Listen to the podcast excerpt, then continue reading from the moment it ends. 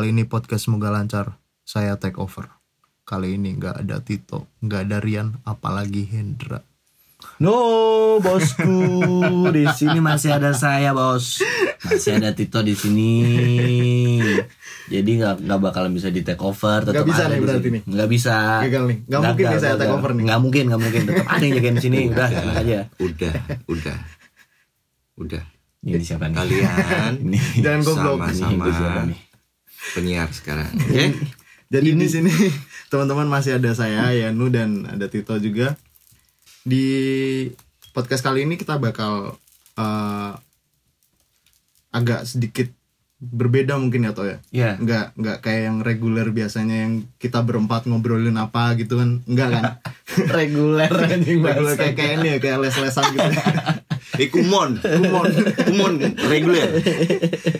Jadi podcast semoga lancar nih agak agak sedikit keluar dari track gitu. habitnya ya kan. Oh, habit. Yang biasanya berempat ngebahas satu tema yang kadang santai kadang serius. Kali ini kita bakal coba agak sedikit informatif atau edukatif belaga aja gitu maksudnya tuh. Iya gak sih? Eh, bermanfaat lah kita anggap aja ini Ya. ini sharing yang Semoga kali ini benar-benar bermanfaat gitu. Insya Allah. Jadi ini bakal kita namain apa? perspektif awam kayaknya. perspektif awam boleh boleh perspektif awam bisa atau apa tuh kulit ya Kulitnya gitu. Kayak kulit kulit ayam. apa sih tuh anjing Aminnya kapan? Oh iya. Biasanya kalau semoga Iya. lancar tuh ada amin harus ya. ada amin Iya Biasanya kan saya. situ kan coba coba Saya coba deh. nih? Iya coba Oke. deh coba deh. Hah? Halo teman-teman semua, balik lagi sama kita di podcast Semoga Lancar. Amin. Udah bos, udah kedengeran ada satu nada yang beda. Agak berbeda dan Agak baik. berbeda. Dan Nada dan yang baik. cukup baik. Ya gitu. Jadi di kesempatan ini kita bakal kita bakal kan udah datang orangnya. Iya. Kita bakal bahas bahas soal ini nih teman-teman. Bahas soal Songwriting. ya. Penulisan lagu nih. Uh keren banget tuh. Anaknya nulis lagu nih. Dikit-dikit lihat apa jadi lagu nih. lagu dulu. Ada kampanye dibikinin lagu ya kan. Halo Mas Haji. Halo, what's up? What's up bro? What's Eh, up, kita what's lagi up? salaman nih ya. Gimana nggak bunyi? Ah, biar bunyi. Oke. Social distancing harusnya. Bunyi. Kan tadi udah cuci tangan di depan. Udah, oh iya iya iya. Kalian ini loh, apa? Tadi Gimana? di depan tuh prepare banget ya ternyata ya studionya ya. Iya, iya. Ada hand sanitizer di eh hand sanitizer di Hand depan. sanitizer. Hmm? Hand satanis. Tan sanitizer. Enggak, jadi sebenarnya kita cuma ngikutin anjuran dari pemerintah aja sih. Agak-agak nurut dikit lah di situasi kayak gini ya kan. Bagus, bagus. Ya berusaha menjadi eh, masyarakat yang baik lah. Yes. Warga yang baik. gitu. Yes. Setuju sih sama kalian kayak gini. Kalian nggak punya ini apa? Apa? Nama nama panggung, nama panggung kayak penyiar gitu misal. Kita nggak pernah manggung, Bang. Kan kita nggak manggung. Ya udah lanjut. Biasanya kalau penyiar gitu kan ada nama ininya kan. Nama apa ya? Alias Ah, AKA. alias, AKA, AKA. nggak ada. Nggak ada sih. Oh, kayak misal Tito Salto. Ngapa salto sih? Ngapa salto sih? Ngapa salto sih? Biasanya kan penyiar namanya aneh-aneh Iya, kan. iya, iya, iya. Tito Andi Salto, Rudal. Andi Rudal. Dikancing. Nah. Lanjut. Apalagi nih? Oke balik-balik ke sorry, sorry. Ini agak brengsek banget. Kacau Anjing ini. orang sumpah. Tapi by the way, thank you lah. Semoga lancar. Udah uh, nerima request saya buat ngadirin saya di sini. Oh, jadi jadi kita nggak ngundang. Nggak ngundang. Beliau ini request ke kita, terus di ACC. Oh kita biasa aja sih sebenarnya. Kita sombong orangnya. Gimana lagi? Tapi thank you banget Ji udah mau datang. Udah mau datang ya buat join ya. sama kita ya.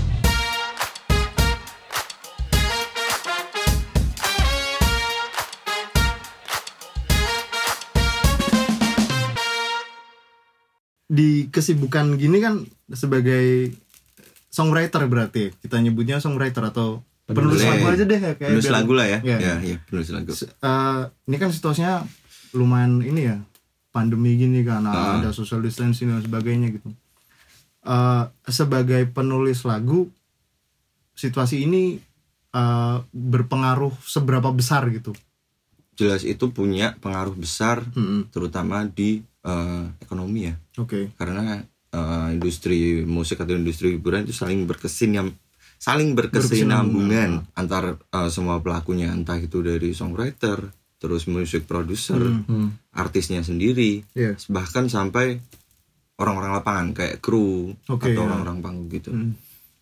tapi kalau kaitannya sama songwriter dari karya-karya yang udah yang udah kita tulis Iya.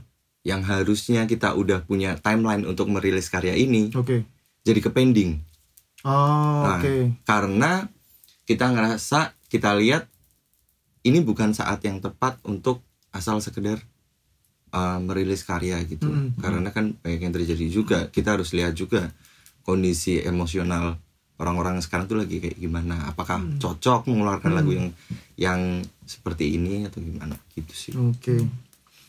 Nih Yan, sorry nih. Gimana? Kan dari tadi kita udah langsung bahas songwriter seperti apa Iya. gitu kan. Dia Oh. udah bahas hiburan, Sedikit, musik ah, dan lain-lain gitu kan. Ji, aku mau tanya ini Ji. Hmm. Sebenarnya nih ya, buat kamu sendiri sejauh apa sih definisi musik gitu? definisi musik Iya. Hmm. boleh ngomong kasar gak sih di podcast ini Boleh, bebas aja Boleh, bebas. kok. anjing kalian bikin pertanyaannya Kok di anjing-anjing sih? Keluar lu sekarang nih udah. makasih semoga lancar Jangan dulu dong, Bapak. Jangan dulu. Masa cuma satu pertanyaan. Gimana lagi? yuk? Gimana? Musik ya? Musik. musik kalau buatku itu ini nanti dikasih backsound backsound sedikit nggak sih Ya, ntar kita usahain Coba deh. deh kita usahain nggak apa-apa. oh, definisi musik Enggak sekarang juga. nanti. Nanti, aja. Pas editing. Pas editing bisa. Ya Allah ya Robi. Oke, gimana tadi? Aduh. Musik ya definisi musik kayaknya musik nggak perlu didefinisiin deh perlu Dirasain. ya. didengerin dirasain itulah Oke. Berarti menurut Aji nih musik ini sampai ke tahap yang sebenarnya tidak perlu didefinisikan lagi gitu. iya sih Ini benar-benar uh, melewati batas apa pun sampai nggak bisa didefinisiin gitu. Kamu ngeband juga nggak sih, Ji? ngeband Ngeband juga? ngeband juga Uh, co- cover atau gimana atau karya sih. Ah, sejauh ini sih masih lebih lebih banyak aku ngeluarin karya sendiri atau ah, bikin karya tapi itu buat buat buat penyanyi lain gitu Oke. Nggak minat nih ke arah cover. Iya, kan lumayan kayaknya lumayan ramai tuh toh. Mm. Uh, apa-apa di cover gitu kan banyak kan kayaknya. Dan bahkan rata-rata nih ya lebih terkenal dari penyanyi aslinya. Iya, itu sering tuh bener. Iya iya iya. Mau nyebutin contoh tapi nggak enak gitu aja sih. Gak apa-apa juga sih sebenarnya kalau mau disebutin. Kayaknya itu udah jadi new normal. Iya, gitu normal. Cover ya. Iya. Kalau cover itu buat dijadiin ajang latihan. Satu kali kan pasti kita ngerasain lah.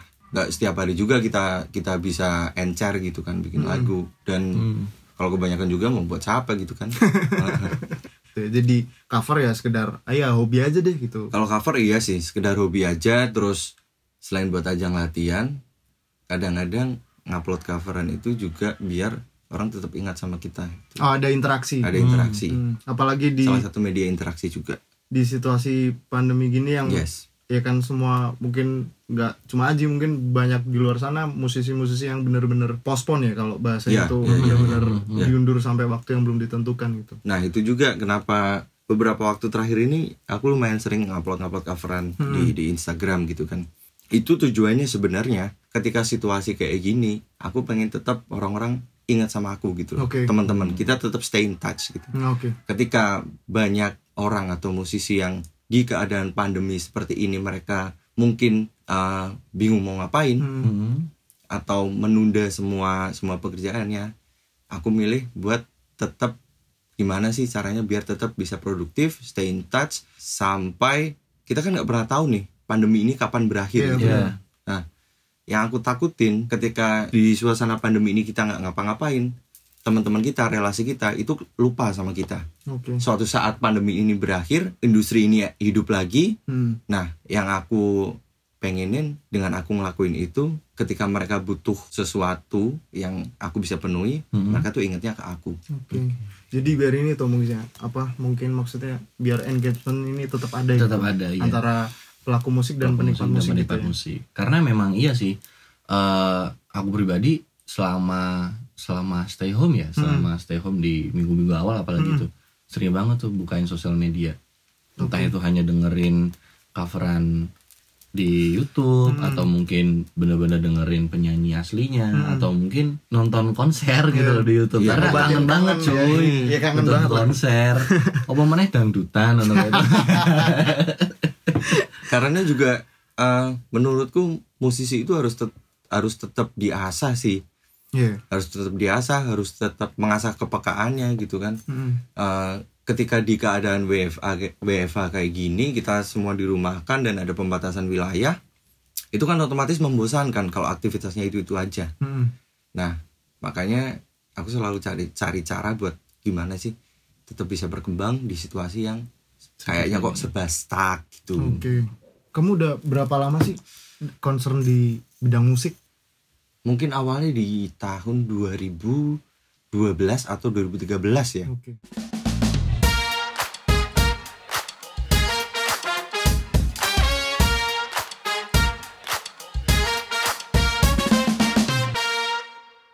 Dalam proses nulis lagu nih atau waktu kamu bikin lagu. Yes. Sebelum mulai proses penulisan itu ada nggak sih halal halal wajib yang sebelum kamu mulai? Misalkan kayak ah bikin kopi dulu deh Hmm, sebelum hmm. ada nggak sih dari kamu pribadi Nah, biasanya kalau nulis lagu itu jamnya di jam setengah 10, jam 10 bikin kopi dulu, Hmm. santai kamar mandi dulu. santai dulu, sebat-sebat terus dengerin musik lah dikit dikit aja tapi ya jangan banyak banyak Hmm. dikit aja Hmm. Eh, terus habis itu kadang juga random juga sih kadang dari kamar mandi Hmm. lagi andukan gitu tahu-tahu nemu ide gitu atau apa nemu kalimat pertama atau nada Oke. pertama gitu terus habis itu udah deh biasanya aku malah mulai mulai itu dari nyari judul oh dari judul dulu jadi Iya. judul dulu dari judul, dulu baru Apa? sampai yang lainnya gitu Iya. sampai yang lainnya Iya, Hmm. dari judul misal aku nemu judul yang menurutku keren gitu kan Hmm. Iya. kayak contohnya nih apa oke merancang Lima. peradaban gitu. Oke Hmm. baru mau dihitungin dia udah dapat langsung. Gokil sih emang sih. Ya kan? Misal merancang peradaban. Iya, ya ya. Itu laguku buat di band gue sendiri skenario Oke. gitu kan. Itu malah aku nemu judulnya dulu. Baru baru aku bayangin merancang peradaban. Oke aku bayangin suasana gimana suasananya gimana sih? Mm-mm. ketika merancang peradaban ini ini bisa dikaitkan sama hal-hal apa aja nih. Oke. Hmm. nah setelah itu baru deh dijabarin dari eh, maksudnya tempat yang mau digambarin di lagu itu ya. Walaupun nggak gamblang disebutin misalnya nama kotanya Jogja atau apa gitu. Hmm. terus gaya bahasanya mau seperti apa perspektifnya mau diambil dari perspektif mana Hmm. gitu. Tuh ya. 5W1H gitu ya dipakai gitu ya mungkin ya ya bisa dibilang Bisa kayak dibilang gitu, gitu ya. Struktural ada unsur ya, ada, satu ada orang unsur gitu. gitunya Ha-ha. Ha. coba gini Ji Eh, kan tadi kamu bilang tuh biasanya kamu eh, orang yang morning person nih Yes. lagi bangun Ya, dengerin musik bikin kopi terus boker gitu kan nah itu kan berarti moodmu di pagi hari ya ya Heeh, kan moodmu tuh sebenarnya berpengaruh nggak sih untuk untuk kamu nulis lagu dalam artian kalau moodmu pagi hari itu lagi enak bikin lagunya yang yang senang atau yang bener-bener apa gitu kan oke atau misal pas kamu sedih atau pas bete bebut dan lain sebagainya tetap bisa nulis lagu nggak yang mungkin mewakili perasaan kamu saat itu juga gitu aku nulis lagu itu mau lagu sedih atau Mhm. lagu senang itu Hmm? itu sebenarnya nggak ada apa nggak ada nggak ada niatan nggak ada niatan nah, misal hari ini Oke. ah hari ini aku mau nulis lagu senang ah Mm-mm. hari ini mau nulis lagu sedih ah nah, kadang-kadang tuh kayak gitu datang sendirinya kecuali itu memang lagu pesanan. Oke. Oh kalau lagu senang lagu pesanan dari orang. Mm-mm. misal kayak ada ya mungkin teman atau Hmm. siapalah solois atau apa gitu. Eh, aku pengen bikin lagu yang moodnya kayak gini kayak gini kayak Oh, gini. dikasih kisi-kisinya Nah, juga dikasih Kisi, kisi-kisinya ini mau nyeritain tentang apa nih? Nah itu baru aku bisa mengkonsep itu. Oke berarti deadline-nya kapan? Mm-mm. buat masuk produksi. Nah habis itu aku baru ngebikin lagunya sesuai dengan permintaan si klien klienmu tadi Iya. nah terus kalau kaitannya soal sama mood Hmm? mood itu bisa berpengaruh bisa enggak juga sih karena kadang-kadang tuh aku juga bisa nulis di keadaan yang baik-baik saja Hmm? kadang-kadang juga bisa nulis di keadaan yang emang lagi nggak enak terpuruk gitu loh ya nah di keadaan yang terpuruk pun Hmm. kadang aku juga bisa bikin lagu yang senang. Oh, oh oke. di keadaan yang Yang baik-baik baik saja, saja. Heeh. itu juga bisa bikin lagu sedih. Dan di keadaan yang baik-baik saja itu kadang malah nggak bisa nemuin apa-apa. Tapi gini Ji, kalau pas kamu nulis lagu nih, ya. ya kan, entah itu keadaan baik-baik saja atau tidak baik-baik saja tadi gitu ya. Kamu tipikal orang yang lebih tertarik tuh menggunakan pilihan kata yang lugas Hmm. atau dengan kiasan gitu. Mm-mm. aku lebih senang menggunakan gaya bahasa yang sebenarnya baku dan aku penggemar rima Oke. Oke. aku senang lirik-lirik yang rima Yang rima seperti Nah, itu ya. rimanya berhubungan Rimanya berhubungan. Berarti secara tidak langsung bener gak kalau kayak aku pribadi nyimpulin ini pemilihan kata itu penting. penting Seberapa penting sih? penting karena pemilihan kata itu kan menentukan seperti apa sosok kita di benak pendengar Oh kayak apa ya nyebutnya berarti ngebangun image gitu gak sih tuh? ya Atau gimana karakter atau karakter si penulis gitu? Kalau aku lebih ke karakter mungkin ya. Secara tidak langsung Secara ngebangun tidak juga langsung gitu bangun karakter si sendiri. penulis ya. semisal kayak Mas Farid Stevi Mm-mm. Oke. Tahu kan Iya festivalis festival. Ah, dia ngebikin liriknya dengan cara yang seperti itu dengan banyak analogi yang dipakai atau dengan perumpamaan segala macam ya memang itu memang seperti Karakter itu karakter karakternya beliau gitu Nah, ya. nah ketika kita ditanya tentang Faris Tevi kita bisa jawab nih Hmm. Faris Tevi itu yang kayak gimana sih lagu-lagunya atau tulisan-tulisannya pasti ada dong benak Faris Tevi di di kalian gitu kan Iya. sebagai Hmm. pendengar atau ah, kita sebagai pendengar Mm. Heeh. nah itu juga yang pengen aku tanemin ketika Oke. memilih gaya bahasa Gaya bahasa, pemilihan kata gitu kan. Mm-mm. Nih Ji, ini pertanyaan sebenarnya agak agak keluar ya dari konteks yang Penulisan lagu. lagu. Oke. gitu kan. Menarik nih kayaknya Iya, nggak apa-apa ya, sedikit Semoga aja yang menarik. ya. Di, di era sekarang kan teknologi itu udah berkembang pesat ya. Mm. Teknologi di bidang apa pun sudah sangat berkembang pesat. Nih, kalau kamu ya, orang yang lebih memilih ke arah analog atau digital? analog atau digital Iya.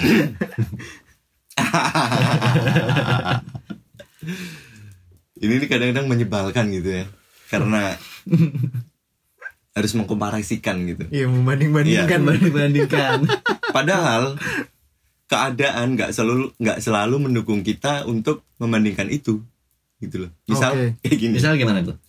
analog atau digital tergantung semisal analog aku pengen eh, suara gitarku pakai teknik recording yang namanya todong Oke. itu dengan ampli yang Eh sorry, todong itu yang ini bukan sih yang ampli terus ada mic-nya itu ya pakai mic gitu pakai mic oke. Nah, jadi eh, kita mengcapture soundnya itu benar-benar dari ampli ampli ampli Hmm. yang nyata ya bukan Iya. virtual ya Iya. ampli yang nyata terus eh, ditodong pakai mic lalu diolah soundnya sehingga masuk ke DAW digital audio workstation Oke. DIY. Ah. nah itu untuk mengolah data analog ke digital melalui audio interface Nah, berarti meskipun pada akhirnya waktu pengolahan data itu secara digital, Yes. tapi basic pengambilannya itu secara analog. Secara analog Oke. Nah, kalau kayak gitu, itu menurutku kan memerlukan eh, persiapan yang yang matang, benar-benar matang. Mm-mm. Harus Nah, proper juga Iya, sebenarnya. harus proper. Kita harus punya ampli yang benar-benar eh, sesuai apa yang kita mau, soundnya seperti apa, terus tatanan tatanan ruang akustiknya pun harus betul untuk mengcapture suara dengan baik. Oke. Sedangkan keadaan kita, kahanan kita, Kahanan. Gitu, bos. Laras mas, laras enggak. Iya, diamput. Kahanan dewi mong yang kadang kan keadaan juga ini kan keadaan kita tuh nggak mendukung untuk itu gitu loh Mhm. misal kita budget kurang nih nah mau nggak mau akhirnya lari ke digital Oke, sebagai Jadi, opsi terakhir. Sebagai opsi Iya. terakhir. dan menurutku digital atau analog itu menurutku sekarang udah nggak apple to apple buat dibandingin sih karena Oke. punya plus minusnya sendiri-sendiri Oh, tergantung kamu butuhnya yang seperti apa tergantung kebutuhan endingnya dan ya kebutuhan Hmm. tapi kalau harus memilih Iya. harus banget memilih Iya. saya lebih suka analog Oke. karena ada sisi manusia yang nggak bisa menurutku nggak bisa di, belum bisa digantikan sama komputer Oke. Berarti kayak digital digital apa sih nyebutnya kalau pernah kalau nggak salah aku denger ya Mhm. ada yang namanya VST itu kan. yes VS- VST VST ya benar. Ah. Nah, digital semacam VST eh, VST VST atau teman-temannya itu sebenarnya ini enggak sih eh, berpengaruh nggak sih buat kamu sendiri dalam proses dari penulisan lagu Ya, sampai ya. ke tahap recording gitu? itu berpengaruh sih bahkan sangat menolong buat Sangat sekarang ini sangat menolong di ya lagi-lagi di pandemi dan WFH segala macam kayak gini kita nggak bisa pergi ke studio nggak pergi nggak bisa pergi jauh-jauh Mm-mm. itu sangat menolong karena itu gampang kita dapetin dan Oke. soundnya pun misal satu VST nih Mm-mm. satu VST piano aja itu kita bisa milih berapa beberapa macam merek piano di situ yang Oke. kita pengen cari soundnya seperti apa untuk sound design di lagu kita Hmm. Berarti kayak sampai ke misalkan karakter sound yang piano yang sebenarnya ini piano rare banget nih. Ya atau barang yang udah langka. Ah, ah, udah langka gitu bisa ada juga di VST itu. ada ada Ada. ada. Aku pernah lihat di YouTube cara ngebikin sampling sound VST itu. Mm-mm. mereka tuh emang bener-bener ngerekam dari dari device aslinya dari alat Oke. musik aslinya. Lalu diproses demikian rupa jadi MIDI Hmm. Oke. Berarti ini ya Jan ya. Ji, Gimana? eh, lagu-lagu yang sering kita dengerin itu ternyata melalui proses yang sangat panjang. Iya bos.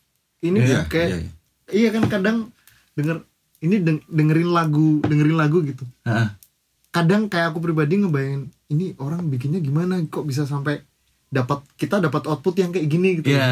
Dia ngebayangin apa gitu. Ngebayangin apa? Ya kayak misal sorry nih aku ambil contoh kayak Kunto Aji nulis lagu gitu kan. Mm-mm. Misal dia kayak nulis film biru contohnya itu Iya, iya. ketika kita dengerin kan, sih itu sih. anjing bangsat nih lagu gitu kan bisa aja nih orang bikin kayak gini nah Ji biasanya kan eh, di profesi apa pun ya atau di di seni apa pun ketika kita membuat sebuah project itu pasti ada ada stuck gitu kan iya ada buntu, Buntu gitu kita ya. buntu gitu kan Iya. untuk untuk nulis itu nah kamu sendiri pasti dong ada hal yang sama gitu buntu juga saat Hmm. nulis gitu. Gimana nih Ji cara kamu untuk ngembangin itu biar nggak buntu di tengah jalan?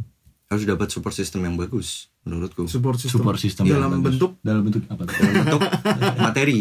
Materi. Materi. Materi. dan eh, secara spiritual ya mungkin ya. Spiritual. atau materi dan rohani lah. Oke?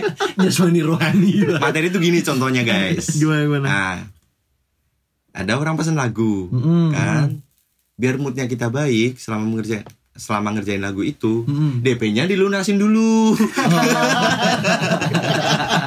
Ini berarti buat pesen-pesen nih.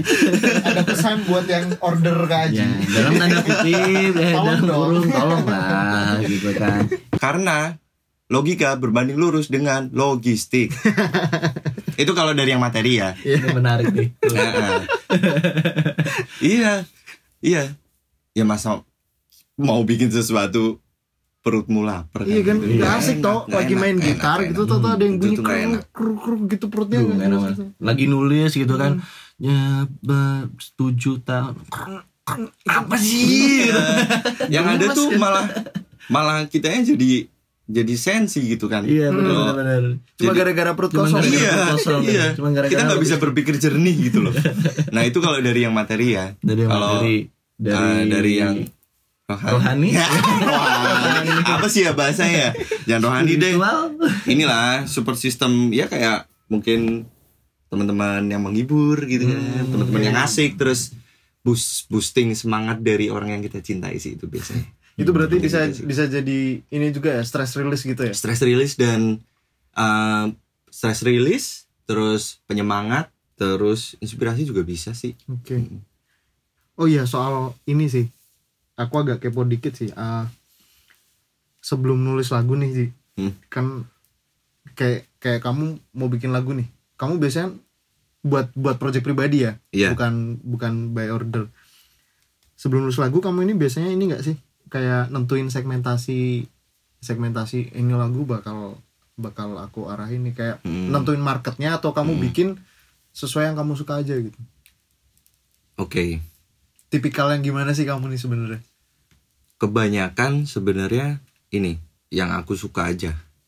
berarti nggak nggak terlalu berpengaruh di luar lagi uh, mereka kebanyakan lagi dengerin suka musik tertentu gitu kamu nggak nggak berusaha buat Enggak.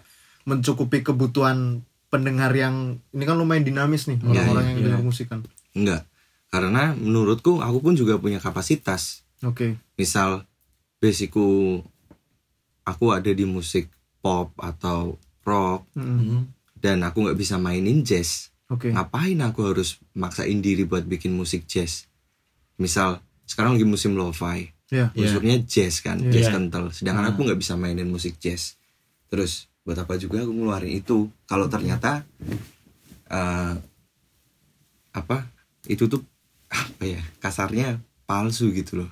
oke Aku nggak bisa mainin itu otomatis eh, itu menurutku hasilnya juga nggak bakal baik sih. berarti kamu ngelakuin apa yang sebenar-benarnya saat ini kamu pengen aja gitu Iya, yang aku Tan- pengen. tanpa ngelihat oh ini pasar lagi kayak gini nih Iya. segmennya lagi gini Iya. Iya. Jadi nggak ngikutin yang happening sekarang. Hmm. Udah deh ikut, ikut ikutan nggak intinya tetap tetap sesuai dengan kamu ya gitu. Iya.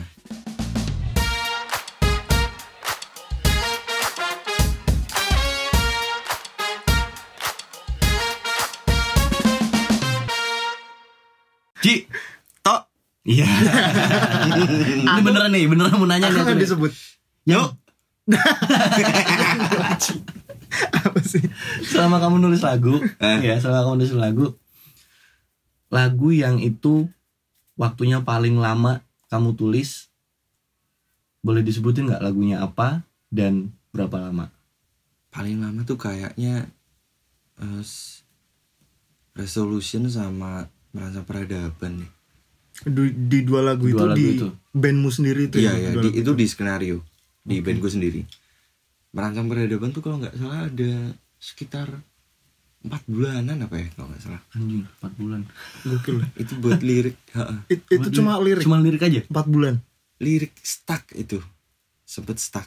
apa yang apa yang yang bikin kamu sampai stuck gitu sampai empat bulan tadi itu Karena ini apa? Tadi support system itu tadi kah rohani itu tadi Iya itu juga. Karena kalau materi nggak bisa nih, karena kan dia sendiri yang bikin. Iya. Project buat dia kan. Iya. Heeh. masa iya dia bayar orang Masa minta DP. minta dia pakai diri sendiri eh saya minta DP saya dong goblok kacing jadi apa yang sebenarnya nga- ngehalangin Aji ini sampai penulisan lirik sampai empat bulan gitu Apa ya itu mas? Oh ini sih pertama ngebikin itu rasanya kok terlalu menghayal. oke Terlalu menghayal itu la- dalam artian kok sok keren sih liriknya gitu. oke Kok nggak relate sama aku gitu Mm-mm. kan? oke benar Ya, Nah, benar. aku pengen menyederhanakan sesuatu yang susah dengan cara penyampaian yang semudah mungkin, se, se sebiasa mungkin. berarti gitu pesan itu penting ya maksudnya pesan, Pesan dalam penting. sebuah lagu penting, penting banget, Penting banget. penting banget. Oke paling Benar. cepat berapa lama bikin lagu Paling cepat itu kemarin setengah jam. oke Setengah jam udah jadi itu liriknya. buat bandmu sendiri Aku belum tahu buat apa, Hmm. belum belum ngerti nih lagu bakal belum dibawa ngerti ke mana buat gitu. apa, ha-ha. tapi rasanya ini lagu personal. Nggak tahu ya mungkin bakal uh, aku rilis sendiri atau gimana. Tapi se- kalau secara lagunya ini personal dan aku senang sama lagu ini. Oke.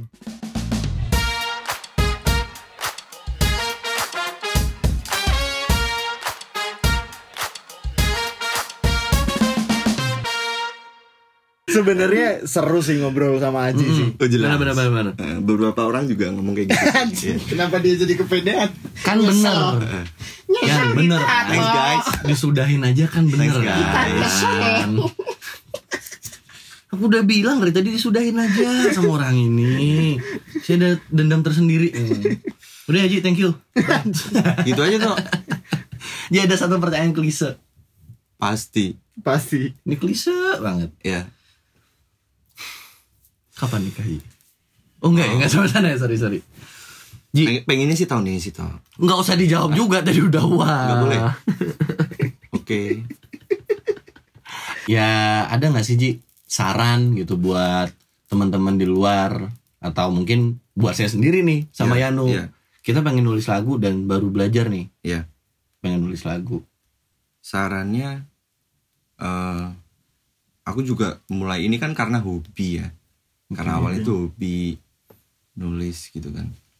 Ya udah yang namanya hobi kan menurutku itu nggak bakal nggak bakal bosan gitu loh. Nggak bakal gampang berhenti. Ya udah yang penting coba aja nulis uh, cari referensi cari referensi penulis-penulis lagu yang bagus terus mulai aja dulu lah.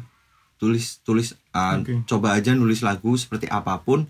Nanti juga satu hari kamu bakal nemuin bentuk terbaik dari apa yang kamu tulis Oke.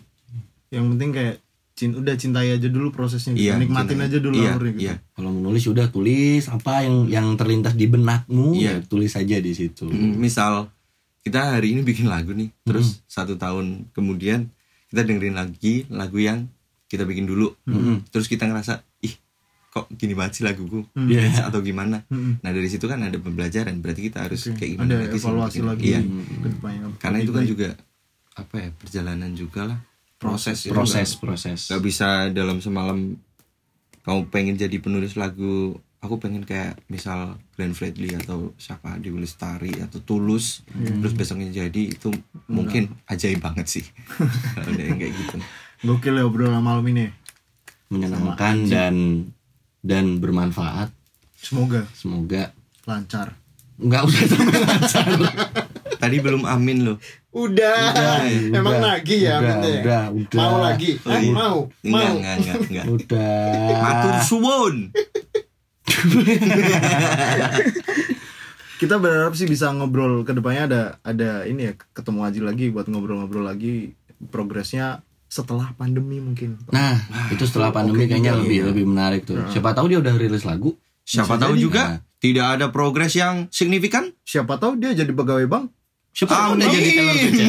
Siapa tahu jadi pegawai Pertamina. Ya. Siapa yang tahu? Ya.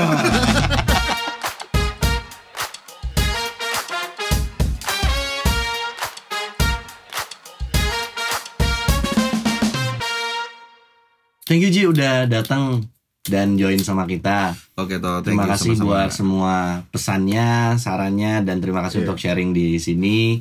Ini gini teman-teman, proses dalam membuat sebuah lagu itu panjang gitu loh. Iya.